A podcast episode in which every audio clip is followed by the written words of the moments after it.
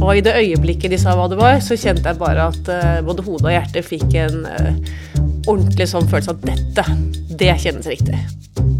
Og det er jo det som er eiendomsutviklerens hva er det skal si for noe, eh, magi. da, At du klarer å finne tilpasninger.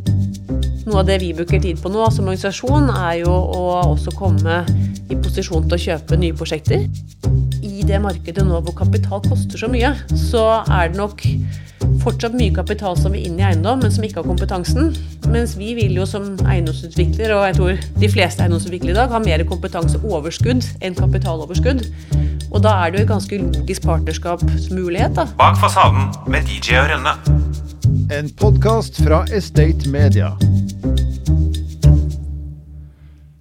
Velkommen til en ny episode av podkasten Bak fasaden med Didi og Rønne. Jeg heter Dag Jørgen Saltnes. Og jeg heter Silje Rønne. Og i dag er vi på et veldig spennende sted. Ja. Vi er på et gammelt direktørkontor. Ja, på Sommero. Der har vi fått låne podkastrommet deres. Eller studio, er det vel riktig å si. Og det er jo da på det gamle direktørkontoret. Og vi har med oss en gjest i dag. Hun burde jo nesten flytte inn på dette kontoret. Eller hva? Ida Wold-Gram? Uh, ja, du, takk for invitasjonen. Hyggelig å være her. Fantastiske omgivelser, det er vi jo helt enige Ja, det er jo et helt rått hotell her. Det er helt rått. Du får ordentlig godfølelsen hver gang du går inn døren, men om det blir permanent i kontoret, det er jeg litt mer usikker på. For vår del i hvert fall så er det veldig stas å være her. Vi er jo vant til å så sitte på et lite kontor eh, inne hos eh, Estate, hvor Dag Jørgen kjefter på alle som skal forsyne seg to til tre ganger med kaffe under innspilling. Så det her blir eh, luksus for vår del. Dette blir veldig bra. Så Ida Wold-Gram, konsernsjef i Eller eh, administrerende direktør og konsernsjef i Asplin Ram. Og nå er det vel ca. ett år siden du tok over etter Gunnar Bøyum. Eh, før det så var du konserndirektør i AF-gruppen.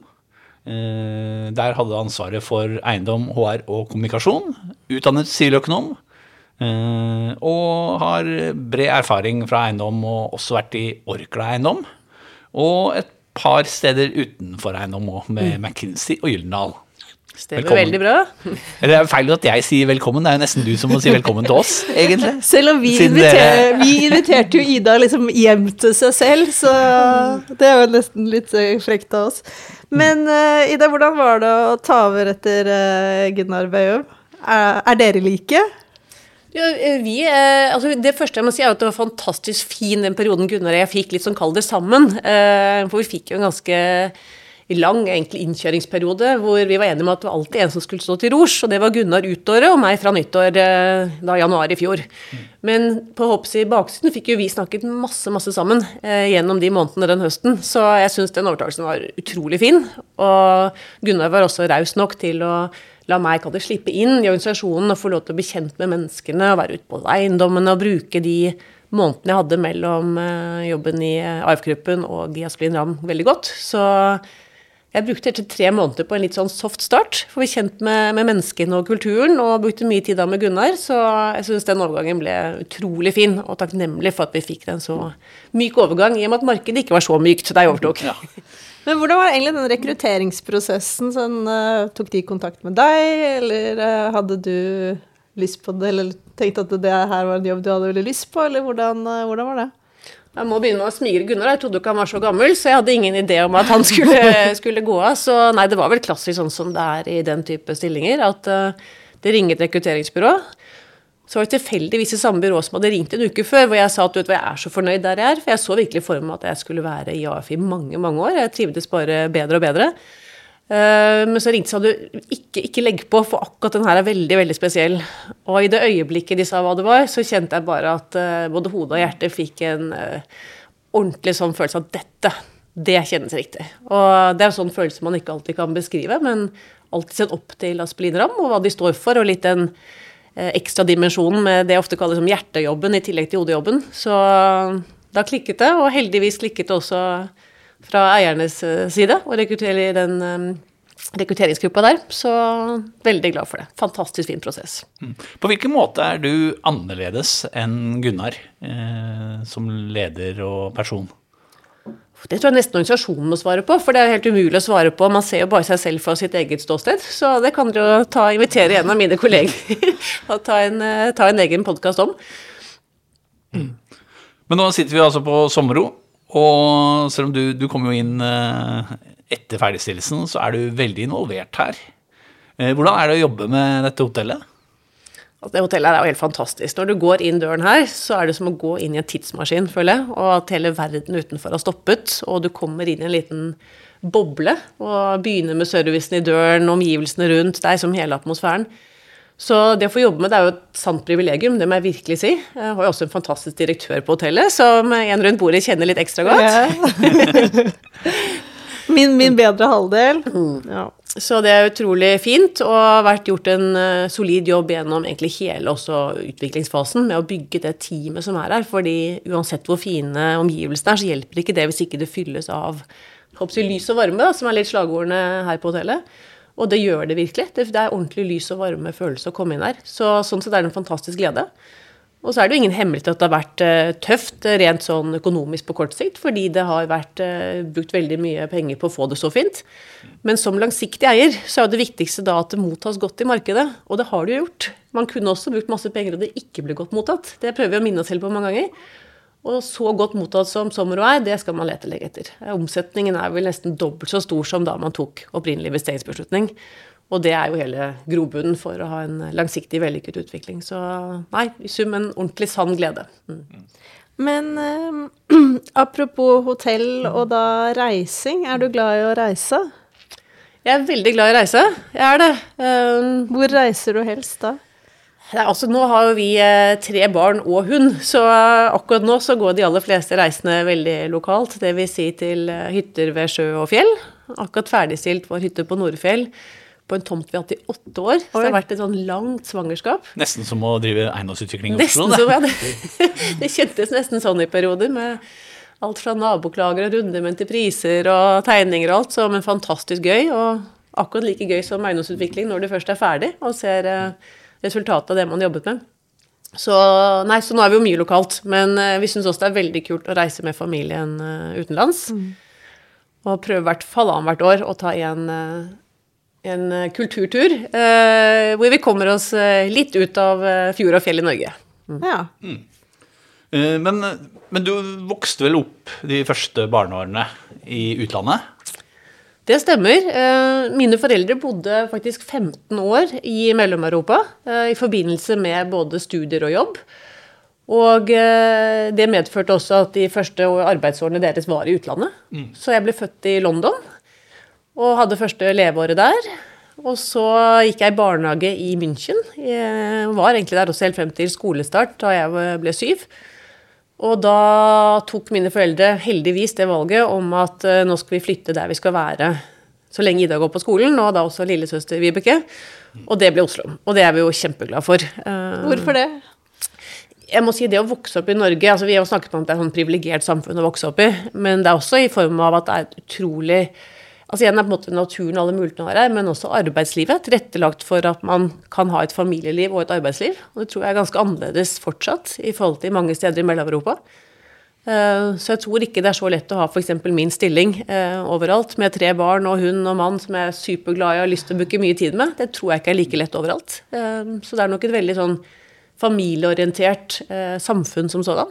For det lurer jeg litt på. Eh, nå skal vi ikke gå for mye inn i det, for det gjør Jørgen litt sånn svett av her. Men eh, siden jeg har da et lite barn og ett barn til på vei, så tenker jeg liksom sånn åh, Hvordan er det du får til det med tre barn, hund, hele den Og du har jo hatt veldig gode jobber hele veien.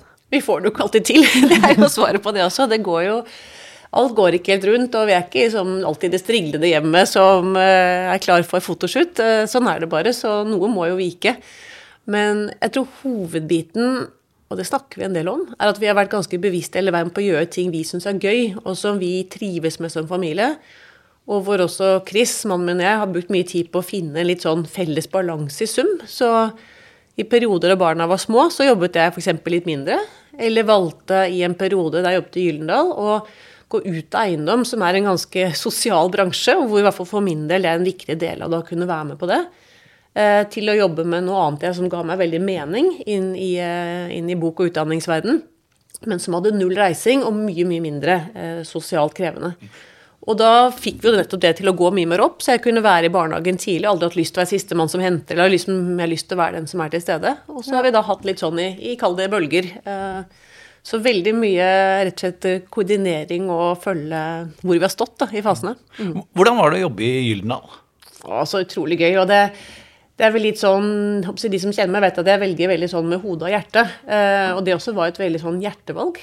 Alltid vært glad i eh, ja, bøker og utdannelse og syns at det er veldig stas og et eller annet litt sånn magisk med den bokverdenen. Og Gyldendal-huset, tegnet av Sverre Fehn. Jeg vet ikke om dere har vært der?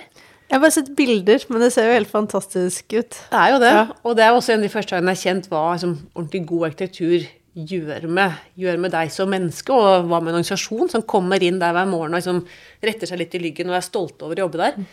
Så, nei, så jeg syns det var en utrolig fin tid. Men så etter hvert ble jo barna litt større, og da savnet jeg litt eiendom. Jeg syns eiendom er en fantastisk fin bransje med masse, masse bra folk. Eh, Hva var det du savnet sånn- da? Noe av det jeg liker aller best med eiendom, at vi jobber så bredt og tett på samfunnet. Sånn at du, du får med deg hele verdikjeden. Jeg har nettopp sagt, fra at du ser et underliggende behov for om det er boliger eller lager eller hotell, til du faktisk er med å kjøpe en tomt, få regulert den, utviklet den, tegnet den ut, skapt et markedskonsept, gjennomført det, og så leve med de gode og dårlige beslutningene man tok underveis. Du får så veldig eh, hva skal jeg si for noe, eh, kjenne på kroppen, at de valgene man tok. Så det er en veldig fin læring i det. Um, og Er veldig tett på, som sagt, det, det fysiske. Mm. Men er du en veldig sånn engasjert person, eller sånn som liksom går all in i ting? Ja, jeg er nok det, altså. Jeg lar meg på en måte rive med, men samtidig så er jeg, jeg er nok også sånn underliggende ganske stabil. Eh, type trening er ikke sånn som plutselig trener syv ganger i uken og så null. Det går liksom jevnt og trutt hele tiden. Så jeg er nok sånn i snitt liksom mye engasjert, eh, uten at det nødvendigvis er noen store piker innimellom. Mm. Men uh, da du begynte å jobbe, du fikk jo første jobben var McKinsey. Ja, først ordentlig, i hvert fall. Ja, Jeg hadde mange, Mange interessante jobber Ja. før det. Men det er vel en ganske grei start i arbeidslivet. Ja, jeg må si det er jo en drømmestart. Du får på en måte egentlig en forlengelse av utdannelsen din, men du blir utdannet i det å jobbe og det å skjønne bedrifter, eh, og kanskje få et annet innfallsvinkel enn du ofte får når du begynner nede i en bedrift. Så begynner du å skulle rådgi og analysere en utfordring i en bedrift fra på en måte sånn sett en litt mer ovenifra og, eh, og ned vinkel, som gjør at du skjønner mer av driverne. Eh, Så jeg syns det var kjempegøy. Jeg hadde noen helt magiske år. Men det var da, apropos reising, noe av magien var jo å sitte en fredag og luller på når prosjektet var slutt, hvor skal du mandag? Om det var liksom Moskva eller Houston eller Stavanger. Eh, Så det, på den tiden var det helt fantastisk, og så er det ikke like fantastisk da etter hvert med, med barn. Men eh, kjempeglad for de årene. Har du et parkeringsanlegg som kunne funket bedre? Ta kontakt med OnePark. Vi leverer enkel og effektiv parkering, og du får fornøyde bilister og en mer lønnsom drift. Sjekk ut onepark.no. Vi gjør dine parkeringsplasser mer lønnsomme. Jeg tenker at vi, vi må litt sånn tilbake til, eh, til eh, AF-gruppen her. For i AF-gruppen så har det jo på en måte Det, det har jo kommet ganske mange ledere ut av AF-gruppen. Eh, og liksom, hva er det de gjør for noe som på en måte skaper såpass Det virker som det liksom er et sånn springbrett uh, ut for lederstillinger. Hva er, det de, hva er det de gjør for noe som uh, tydeligvis er veldig bra, da? Det kalles jo sånn ledelsesfabrikk. Ja. Eh, det som også må si, selv om vi nå i Eiendom har hørt om en del som har gått derfra, så er det jo veldig mange som også blir. Ja. Og noe av det i hvert fall jeg syns AF var så god på, var jo å skape masse muligheter. For gjennom da mye både organisk og oppkjøpsvekst, så kom det jo behov for mer og mer ledelseskapasitet. Og det er man så bevisst på, da, helt fra, fra toppen, på hvordan skal vi det, gi ansvar ut, gi mange muligheter, sånn at folk kan vokse. Og da også fylle på med mye lederutviklingskurs eh, på veldig mange ulike nivåer. Det er seks nivåer med lederutviklingskurs. Eh, så du kommer inn på ganske tidlig og blir bevisst liksom, rollen som leder. For det, det klarer du jo ikke å lese til alltid i en bok, selv om mange har hatt om det på studiene, så er det noe helt annet i praksis. Så det er noen kombinasjon av det, det vi kaller sånn trening i linja, altså operativt få mye ansvar tidlig. Tørre å slippe folk løs fordi det er så gode systemer rundt og bevissthet rundt det at man skal få prøve og feile. Og det med da liksom kalle det den verktøykassen med ledighetskursen på siden. Så ja, Ja, Litt interessant at du sier det med å slippe folk til. Fordi jeg, vi har skrevet Det er mange år siden nå, men da skrev vi om det som ble kalt Andenes-skolen.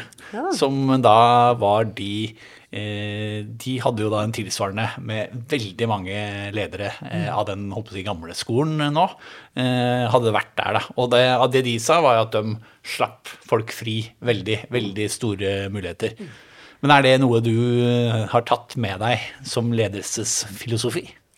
Ja, det vil jeg si. Og det, både etter å ha kjent på selv hva det gir, at du får så mye tillit. Du jobber jo på en helt annen måte, fordi du vet at her står jeg faktisk litt ansvarlig. Eh, og så motiverer det veldig å kjenne at man får den tilliten. Så det er mye det vi har brukt tid på også i ledergruppa nå i Asplinram, er jo mye også de tingene. At eh, vi ønsker jo å altså Det vi ser som er hoveddriveren i organisasjonen, er skaperkraften. Det er helt enorm skaperkraft.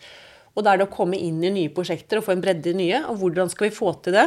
Jo, da må vi gi ansvar ut, sånn at vi får mange som kan ta de på en gang. Og vi kan få til mange kule prosjekter à la Sommerå, Via, Parkveien og alt mulig.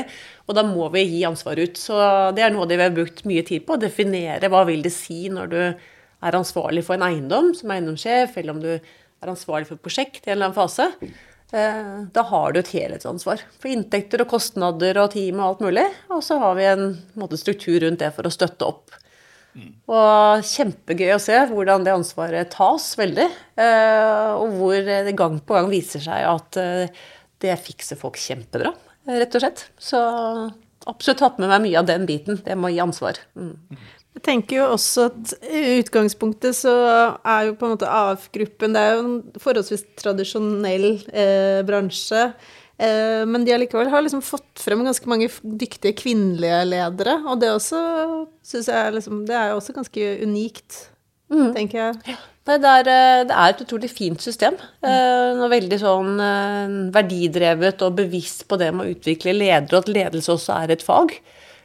Du kan være så god du bare vil i liksom, ditt eget lille fagfelt, men det hjelper ikke hvis ikke du får lyst til å skjønne hvor det passer inn i en helhet, og igjen da få andre til å kalle det skinne og blomstre under deg. Og det, det ligger veldig i ryggraden der. Eh, Man bruker som et ord ledelse ved tilstedeværelse, og det henger jo mye sammen, ikke nødvendigvis den fysiske, men det med at folk vet at du er der, og at du kan, kan bli spurt. For det er jo ikke snakk om å bare kaste folk fra timeteren og håpe at de svømmer. Eh, Det er under liksom litt har mer hva skal si, for gode. støttefunksjoner. Ja, og folk vet at du kan, eh, du kan rope om hjelp, da. Det kaver ikke lufta helt alene. Mm. Du var litt inne på eh, utviklingsprosjekter. Uh, sa dere er mange spennende, og dere har jo fullført mange spennende. Men hva er det, dere, hva er liksom det du bruker tid på nå av utviklingsprosjekter? I lys av at vi nå også prøver å gi ansvar ut, så prøver jeg også da at ikke jeg sitter og henger over alle prosjektene. Men det er klart at mange av de store, de jobber vi jo med også via styrearbeidet.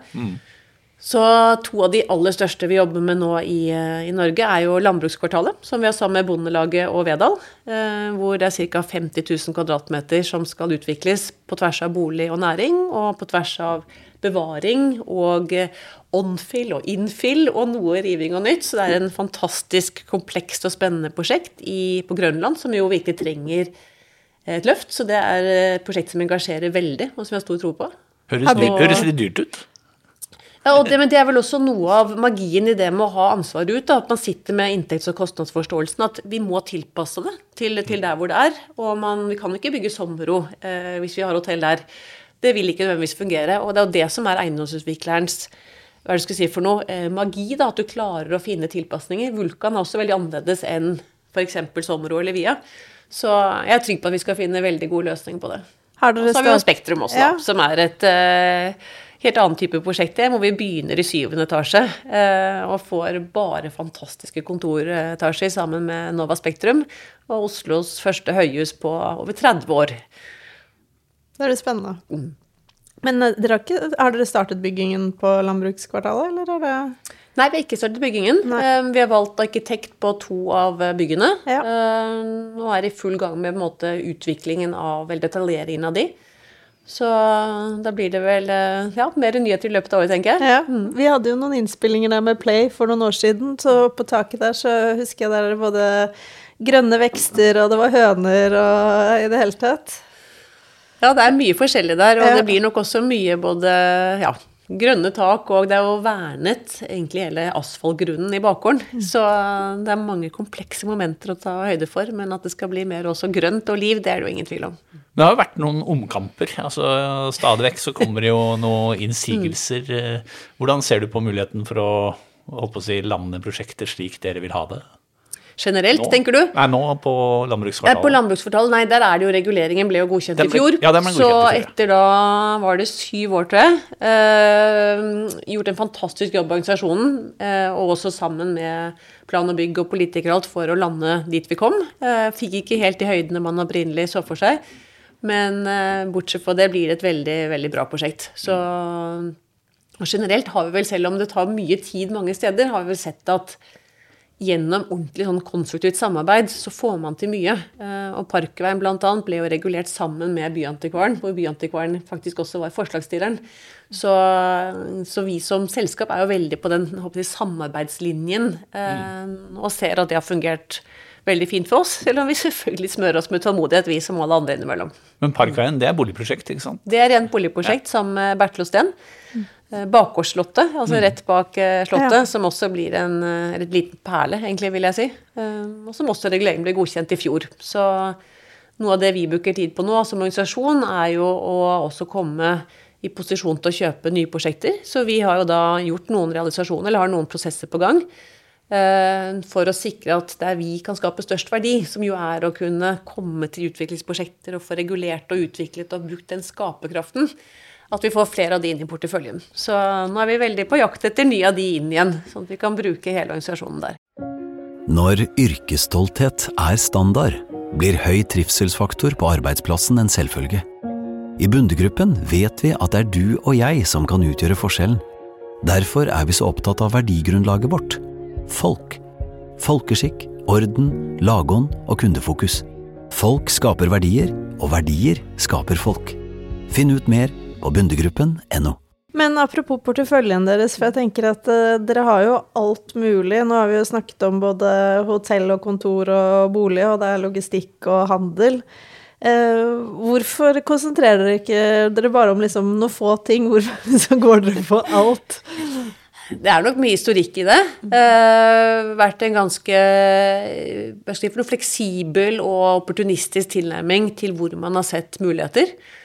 Uh, og det kjennetegner jo også organisasjonen litt, sånn, litt sånn løsningsorientert og tilpasningsdyktig. Uh, så f.eks. det å ha en veldig solid og god logistikkportefølje nå, ser vi på som et veldig positiv ting, selv om ikke folk forbinder oss nødvendigvis med det. Men som gir en veldig bra balanse over tid, for vi er jo en langsiktig aktør.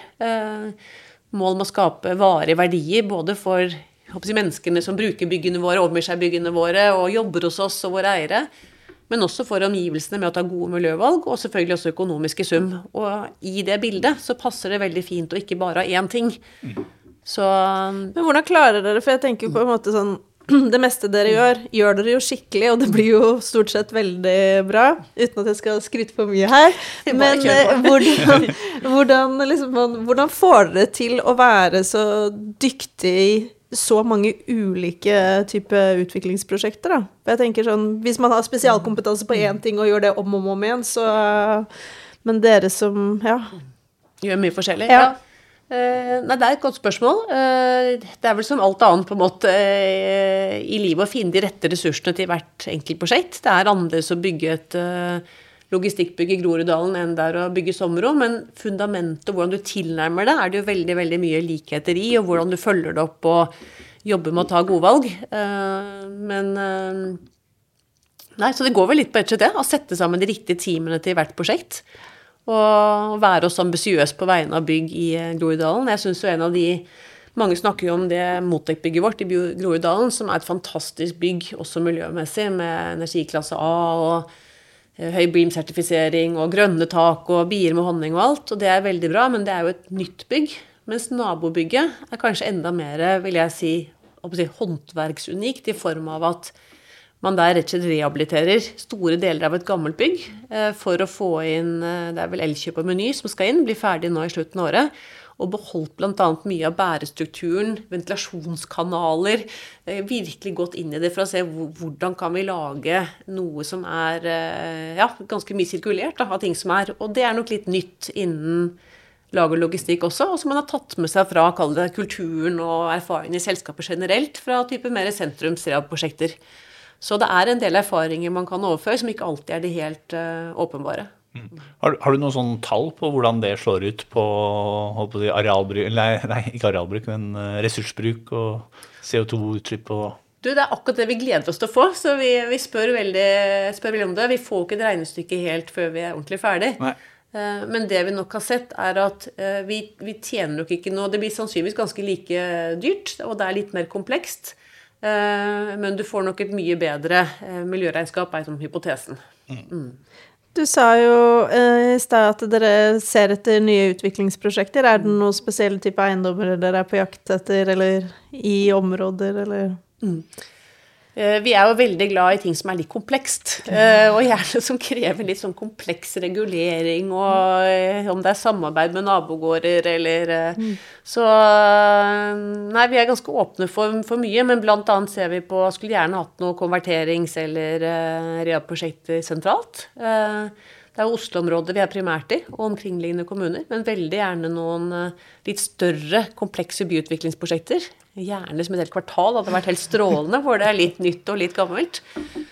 Og eh, kan gjerne også se på både kontor og bolig og eh, hotell.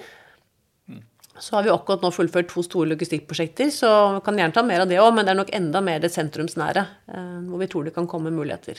Er det da et partnerskap dere er på jakt etter? Altså, gjerne, altså Jeg ser jo det at dere har jo veldig ofte gjort noe sammen med noen som kanskje ikke har hatt evnene selv til å gjøre akkurat det som kommer ut, og så eh, blir dere eh, med og eier noe sammen og utvikler sammen.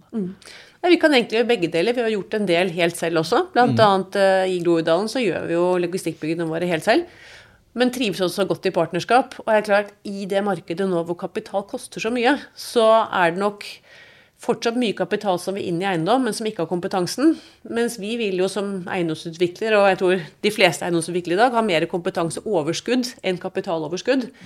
Og da er det jo et ganske logisk partnerskapsmulighet, da, hvor man kan gå sammen med en som har kapital, men ikke så mye kompetanse, og motsatt. Så, så vi er åpne for begge deler. Jeg gjør gjerne litt mindre prosjekter selv, men i større så er det fint å ha partnerskap. For her vi sitter nå, så Det er jo et prosjekt dere har gjort i partnerskap med Strawberry og Hvem var det siste? Warner. Warner, ja. Så Gunnar er jo fortsatt uh, litt involvert uh, her. Absolutt. styre- styreverv. Ja. Så det er bra kontinuitet. Vi har jobbet med Strawberry Brothers på utviklersiden, og så er det jo Strawberry som driver som, som drifter hotellet. Så, og det har vært et langværig, veldig bra samarbeid eh, mellom Strawberry og Strawberry Brothers og eh, Aspelin Ramm. Så vi gjør gjerne flere prosjekter, for det er et eh, fremoverlent og utrolig eh, gøy miljø å jobbe med, rett og slett. Mange jern i ilden, eh, virker det som. Jeg Er, holdt på å si, er, er dere gode til å prioritere, og er du god til å prioritere? Eh, viljen til å gjøre nye ting er jo stor i hele organisasjonen. Eh, Så vi tvinger oss selv litt til å sitte sammen og, og prioritere. Og nå det siste året har jeg brukt mye tid på det. Hvor skal vi prioritere energien vår, og ikke minst kapitalen vår. Så da har det blitt kalt fremtvunget gode, eh, som mange andre. Så, mm, så nei, så svaret er vel sånn moderat gode. Jobber med saken hele tiden, men ganske fornøyd med oss selv at vi har eh, klart å prioritere en del det siste mm, året, i hvert fall. Hva med deg personlig? Nei, altså Jeg skulle jo ha 30-40 timer i døgnet, for jeg har alltid mye mer ting jeg har lyst til å gjøre enn ting jeg rekker. Eh, Så jeg er ikke typen som sitter med bena på bordet og ser på TV i timevis. eh, Selv om jeg gjerne skulle gjort det også, men innen jeg har rukket å gjøre alt det andre, så er det ikke mer rom. Uh, Så det er aldri noe Netflix, uh, Netflix og chill? Nei, altså, Chris, jeg, altså, mannen min, vi tuller litt med det at det er ikke oss du skal spørre om de nyeste seriene. Fordi vi er sannsynligvis de som da ligger to-tre liksom, serier bak og må prøve oss se én sesong kanskje i halvåret. Så der er vi skikkelig dårlige. Men, uh, men vi er jo ganske aktive og rekker masse annet. Det gjør vi. Men vi er ikke gode på Vi ligger ikke i lead på serier. Nei. Men da du stilte opp i den sommerspalten vi hadde, så skjønte jeg at uh, det er det, det med familieliv Nå har vi vært litt inne på det også, men du er veldig familieorientert. Og det er liksom ikke bare hva skal jeg si, kjernefamilien, det er liksom storfamilien. uh, hele sommeren med tanter og onkler og besteforeldre, og det er eh, hva er det som det, For meg så hørtes det nesten litt slitsomt ut, men, men hva er det som er så fantastisk med det? Jeg kan jo slenge på at vi siden sist også har brukt hele julen sammen i storfamilien. Nå skal vi bruke vinterferien sammen i storfamilien. Så Hva, hva, hva gjør dere da? Det er det som tror jeg så gjør at det er så fint, at vi gjør veldig mye av det samme som om vi skulle vært kall kjernefamilien. Vi, vi har det utrolig hyggelig og gøy sammen. Det er rom for å gjøre de tingene man ønsker på dagtid. Om noen vil slappe av, noen skal gå lange skiturer. Eller, altså det er veldig, det er Så ganske det- det- sånn stor fleks da, i Ja, forhold til okay. hva man gjør. Det er veldig lite sånn uh, rigid og veldig sånn forventninger. Så jeg f- tror alle føler de er på ferie når vi er på ferie sammen. Ok, Så det er ikke sånn at Så- liksom, faren din bare Ja, nå har vi satt opp en plan, Nei. aktivitetsplan, det er frokost uh, klokka 08. Nei, det er ikke det. Altså. Og så er vi ganske nærme søsknene på begge sider. Ja. Uh, og vi har jo selv tre barn, og både min søster har jo tre barn, og til sammen er det tre-fire barn på andre siden også, så det er liksom alltid masse liv i tre generasjoner. Ja. Som gjør at det blir litt gøy, rett og slett, for, for alle sammen. Så nei, så det er vel litt av forklaringen på hvorfor det funker så fint. Og sånn som om sommeren så er vel også at det er mye space rundt. Eh, så man sitter jo ikke oppå hverandre hele tiden, selv om man har basen felles. Men så er det også da sånn som nå med hytte på fjellet, så er det jo kjernefamilien, eh, oss fem, og det er jo en også utrolig fin følelse. Selv om de to første vi har invitert, er søsken på hver våre sider. Så Ja, det er koselig. Men eh, du høres jo veldig aktiv ut. Eh, hva kommer du til å gjøre når du blir pensjonist? altså da, steg én er jo å holde helsa til pensjonist. Det er virkelig det jeg ser. I det øyeblikket du har helse, og selvfølgelig mental helse også, så får man gjort masse. Jeg ser hvordan eh, mine foreldre for eksempel, er utrolig flinke til å gå lange turer, spille golf sammen, dra på ferier. så skal klare, Vi skal nok absolutt klare å ikke kjede oss når vi blir eldre, vi også. Men jeg håper og tror at det står mye aktivitet i sentrum. Elsker all mulig type sport. Altså stå på ski, gå på ski, spille tennis, spille padel. Gjerne spille mer golf. Det har vi ikke tid til nå. Eh, Du er vel en habil slalåmkjører òg, har jeg hørt? Ja, altså Jeg har aldri kjørt konkurranser, så jeg er elendig i porter. Det er Ja. virkelig sånn skikkelig dårlig på, har jeg skjønt. Men utenfor løypene koser jeg meg veldig. Der uh, trives jeg ordentlig godt. Men når du Dog med en sånn veldig risikovers tilnærming, det må sies. For Så det er ikke svartløype, svartløypa? Jo, altså det kan godt være bratt, men det er mest ras jeg er opptatt av. Ja, sånn, ja. Så nei da, det kan godt være bratt og masse snø og trær mellom og sånn. Det er helt fint, men uh, må være litt ras, sikkert. Mm. Litt som å navigere i eiendomsmarkedet. Ja, det er litt sånn. og det er jo veldig gøy. Så Men når du skal slappe av helt, hva, hva gjør du da? Det er jeg veldig spent på. uh, Maks Ja, avslapning. Maks liksom. avslapning. Helst har jeg trent først, da, for da er jeg sånn, sånn god ro i kroppen. Så drømmeavslapningsdagen måtte jo være å ha hatt en lang tur i marka med Peik, hunden vår. Selvfølgelig en engelsk setter, siden vi er litt energisk familie. Uh, og så gjerne, da kan, da kan jeg godt Det er ikke sånn at jeg sitter og gjør noe hele tiden. Da kan jeg godt lest en bok eller uh, tatt et bad. Uh, og det er klart, hvis familien plutselig er borte en kveld, så er det ikke sånn at jeg forter meg ut. Så ofte bruker jeg mye energi i løpet av en uke på, på jobb og på å liksom, holde ting i gang. Så ingenting imot å ha en fredagskveld alene hvis anledningen byr seg. Det er jo tvert imot litt luksus. Så eh, nei da, så jeg klarer å slappe av også. Men, eh, men det kommer litt lenger ned i rekka. Bak fasaden med DJ og Rønne.